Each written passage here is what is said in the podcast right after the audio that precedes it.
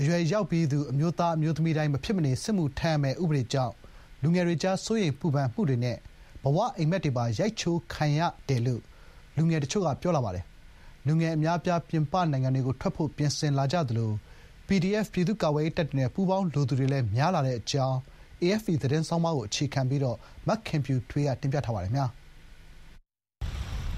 သက်၁၈နှစ်ကစလို့အရွယ်ရောက်ပြီးသူအမျိုးသားအမျိုးသမီးတွေမဖြစ်မနေစစ်မှုထမ်းရမယ့်ပြည်သူ့စစ်မှုထမ်းဥပဒေကိုဖေဖော်ဝါရီလ၁၀ရက်နေ့မှာစတင်အသက်ဝင်တယ်လို့မြန်မာစစ်ကောင်စီကကြေညာလိုက်တာကြောင့်လူငယ်တွေကြားမှာစိုးရိမ်ပူပန်မှုတွေနဲ့မရေရာမှုတွေပိုပြီးဖြစ်လာစေခဲ့ပါတယ်။အာဏာသိမ်းမှုကြောင့်နဂိုကတည်းကလမ်းပျောက်ခဲ့ရတဲ့လူငယ်တွေရဲ့ဘဝတွေကိုထပ်ပြီးရိုက်ချိုးလိုက်သလိုခံစားရတယ်လို့အသက်၂၀အရွယ်ကျောင်းသူတဦးဖြစ်တဲ့မဝဝါကပြောပါတယ်။ ဓိက target ကလူငယ်တွေဖြစ်တယ်အဲလူငယ်တွေကိုစပြီးတော့သူတို့ target ထားလိုက်တဲ့အချိန်မှာလူငယ်တွေမှာပထမကတည်းကအနာဂတ်ပြောင်းနေတဲ့လမ်းအကုန်လမ်းပြောင်းနေတဲ့အချိန်မှာသူတို့ကသူတို့လုံးလိုက်တဲ့အတွက်အကုန်လုံးရွှေဟုတ်တဲ့တဲ့ဖြစ်ပြီးတော့နားလဲနာကြည့်ရောဝမ်းလဲဝမ်းနေတယ်ကြောက်စိတ်ကလည်းပို့ပြီးတော့လွှမ်းမိုးလာတယ်ပေါ့လေသူတို့အနာဂတ်ကပထမကတည်းကရေစုံမျိုးနေတဲ့အချိန်မှာအခုစစ်တပ်ခဲ့တဲ့လိုမျိုးထုတ်ပြန်လိုက်တဲ့ထုတ်ပြန်ချက်ကဒီစစ်တပ်ကအမှားဆုံးလုပ်ရတဲ့ခုလေးဖြစ်မယ်ပြီးတော့သူတို့ရဲ့ဒီအကြီးမားဆုံးသူတို့အိမ်မက်ကိုရိုက်ချိုးလိုက်တဲ့အရာတစ်ခုလို့လည်းမြင်ပါတယ်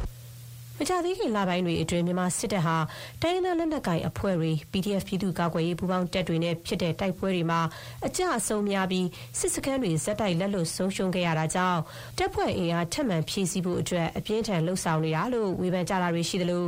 ဒီလို အတင်းအကျပ် အသက်သွင်းလာတဲ့ စစ်မှုထမ်းဥပဒေဟာ လူငယ်တွေကို စစ်မြေပြင်မှာ လူသားတိုင်းအဖြစ် အသုံးချဖို့ ပြင်ဆင်တဲ့လုပ်ရက်ဆိုပြီး ရှုံချကြသူတွေလည်း ရှိပါတယ်။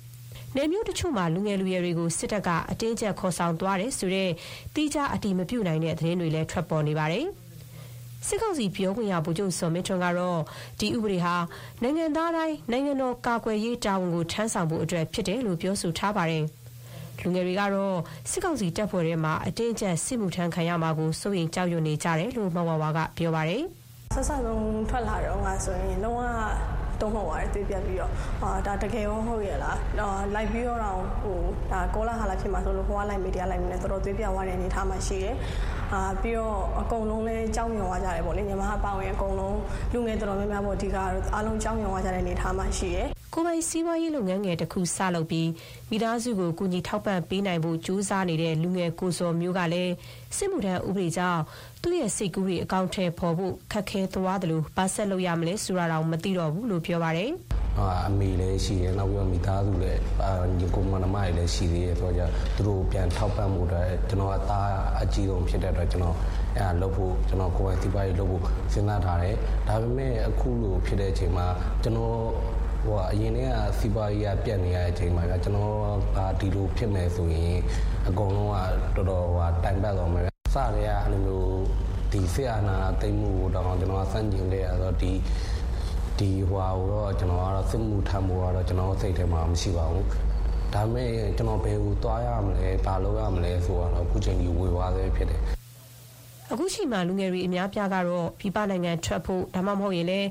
PDF တပ်ဖွဲ့တွေတဲကိုဝင်ဖို့ပြောဆိုနေကြတယ်လို့လည်းကိုစောမျိုးကပြောပါတယ်။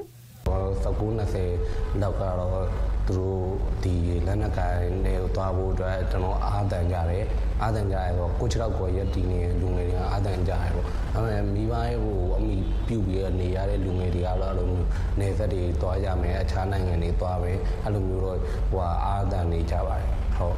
ကျွန်တော်လည်းကျွန်တော်လည်းအဲ့လိုမျိုးဖြစ်နိုင်ရတော့အဲ့လိုမျိုးတနေနေရာကိုအဲ့လိုမျိုးထွက်သွားခြင်းဒီမျိုးမှာတော့မနေခြင်းတော့စစ်မှုမထမ်းလို့တဲ့တချို့လူငယ်တွေကလည်း ထိုင်းအပါအဝင်အိန္ဒိချင်းနိုင်ငံတွေကိုထွက်ခွာဖို့အတွက်ပြင်ဆင်လာကြပါတယ်။ဖေဖော်ဝါရီလ16ရက်တောက်ကြနေ့ကထိုင်းနိုင်ငံကိုသွားဖို့ထိုင်းနိုင်ငံမှာဗီဇာလျှောက်ထားသူတွေတည်တသာများနေပြီးလာရောက်တန်းစီကြတဲ့သူထောင်ကနန်းရှိတယ်လို့မျက်မြင်တွေ့သူတွေကပြောပါတယ်။ ဖေဖော်ဝါရီလ10ရက်နေ့မှာ စတင်အသက်ဝင်ကြောင်း စစ်ကောင်စီက ကြေညာထားတဲ့ စစ်မှုထမ်းဥပဒေမှာတော့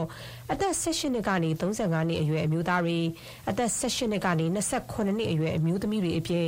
ဆရာဝန် အင်ဂျင်နီယာ စက်မှုလက်မှုတက်မြောက်ကျွမ်းကျင်သူတွေဆိုရင်တော့ အသက်18နှစ်ကနေ45နှစ်အထိ အမျိုးသား18နှစ်ကနေ35နှစ်အထိ အမျိုးသမီးတွေ စစ်မှုထမ်းရမယ်လို့ ဖော်ပြထားပါတယ်။ စစ်မှုထမ်းရမယ့်အသက်အရွယ်ကိုရောက်တဲ့နိုင်ငံသားတိုင်းကို24လထက်မပိုတဲ့ကာလအပိုင်းအခြားအတွင်းစစ်မှုထမ်းဖို့ဆင့်ခေါ်နိုင်ပါတယ်။ကျွမ်းကျင်သူတွေဆိုရင်တော့36လထက်မပိုတဲ့ကာလအပိုင်းအခြားမှာစစ်မှုထမ်းဖို့ဆင့်ခေါ်နိုင်တယ်လို့ဥပဒေမှာပါရှိပါတယ်။အရေးပေါ်အခြေအနေဖြစ်ရင်တော့စစ်မှုထမ်းကာလကို9နှစ်အထိတိုးမြင့်သတ်မှတ်နိုင်တယ်ဆိုပြီးတော့လည်းဖော်ပြထားပါတယ်ရှင်။